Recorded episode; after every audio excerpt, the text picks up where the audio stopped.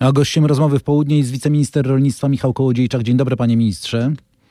Dzień dobry, witam pana, witam państwa. Pan idzie dzisiaj na szczyt rolniczy o 14? Tak jest, będę na y Czy wy chcecie wysłuchać rolników, czy im coś zaproponować podczas tego szczytu? Y, premier chce na początku wysłuchać, porozmawiać z rolnikami y, i na podstawie tej rozmowy też przedstawić propozycje. A te konkretne propozycje to jakie? Y, tutaj musimy uszanować stronę rolniczą, która y, te propozycje będzie słyszała, jeżeli one będą pierwsze.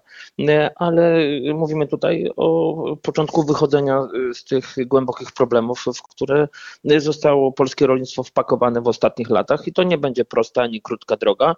Mówimy tutaj też o pomocy doraźnej, która musi być skierowana, aby gospodarstwa poradziły sobie w trudnym czasie, żeby one nie upadały, czyli mamy tutaj pierwszy, e, pierwszy taki sektor tych, którzy tej pomocy potrzebują e, najbardziej, ale wiemy też o tym i doskonale sobie zdajemy sprawę z tego, że na świecie jest kryzys zbożowy. To, co zrobiła Rosja w ostatnich miesiącach, czyli sprzedaż dużej ilości pszenicy i innych zbóż na rynki afrykańskie po cenach poniżej kosztów produkcji, zapychając rynki, które do tej pory były rynkami dla zbóż europejskich.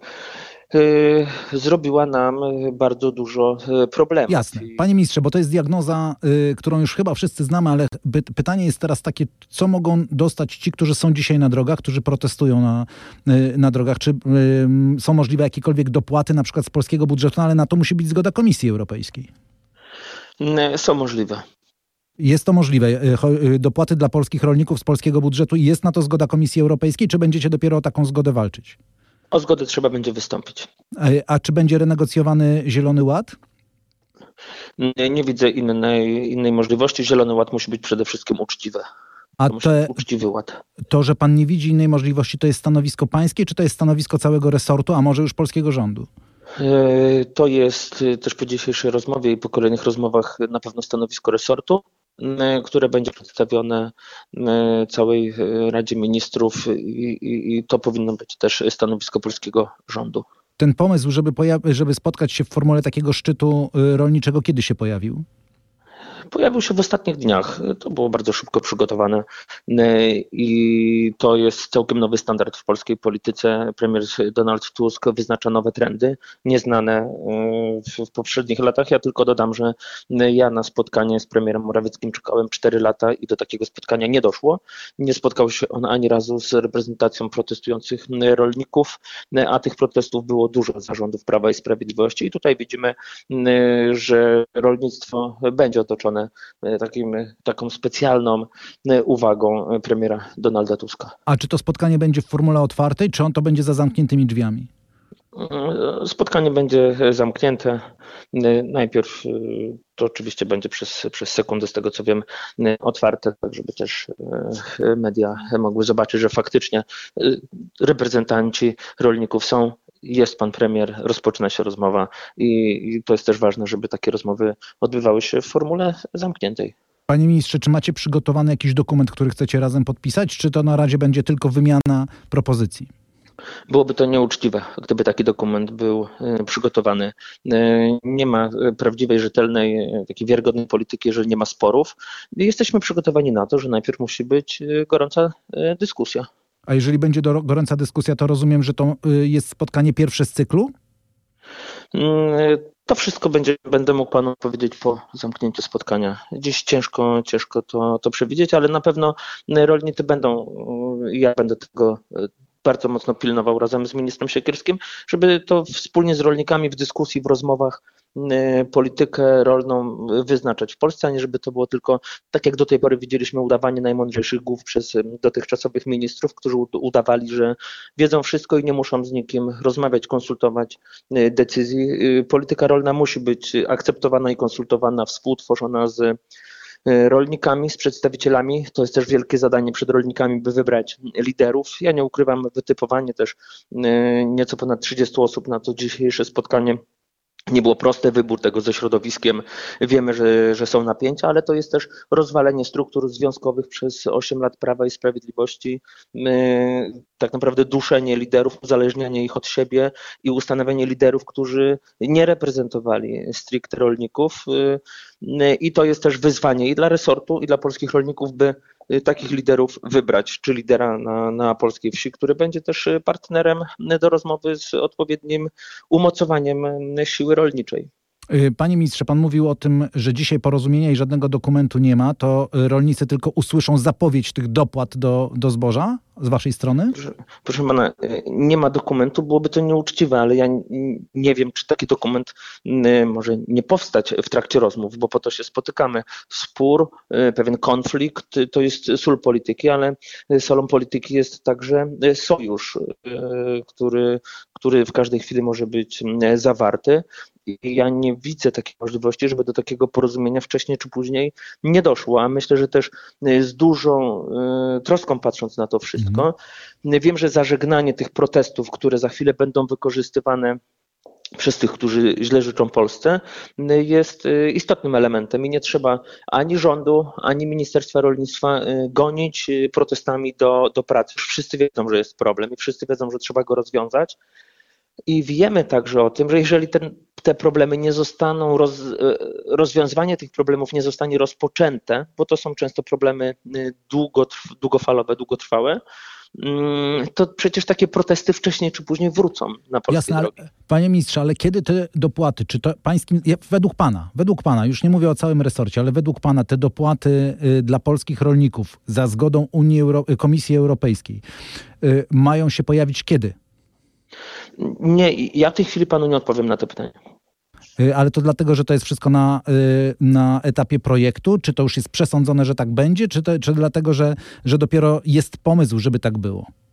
Proszę pana, budżet, y, który obecnie jest, był w dużej mierze przygotowywany przez Prawo i Sprawiedliwość. Jak wyglądało przekazanie władzy, doskonale widziała cała Polska. Było to raczej y, palenie tego, co do tej pory było y, przez Prawo i Sprawiedliwość i utrudnianie. Dlatego ten budżet też, też nie jest prosty. W budżecie należy znaleźć odpowiednią ilość pieniędzy, które będzie można uruchomić, jeżeli taka potrzeba będzie. I proszę tutaj też E, o cierpliwość. Wiem, że minister Domański też e, patrzy na to wszystko, w jaki sposób, jeżeli będą potrzebne pieniądze, w jaki sposób je znaleźć, wyznaczyć, e, by mhm. polskie rolnictwo mogło ciągle dobrze się rozwijać i dobrze żyć, ten trudny czas przetrwać. Czy te rozmowy oznaczają, że nie będzie protestów 6 marca?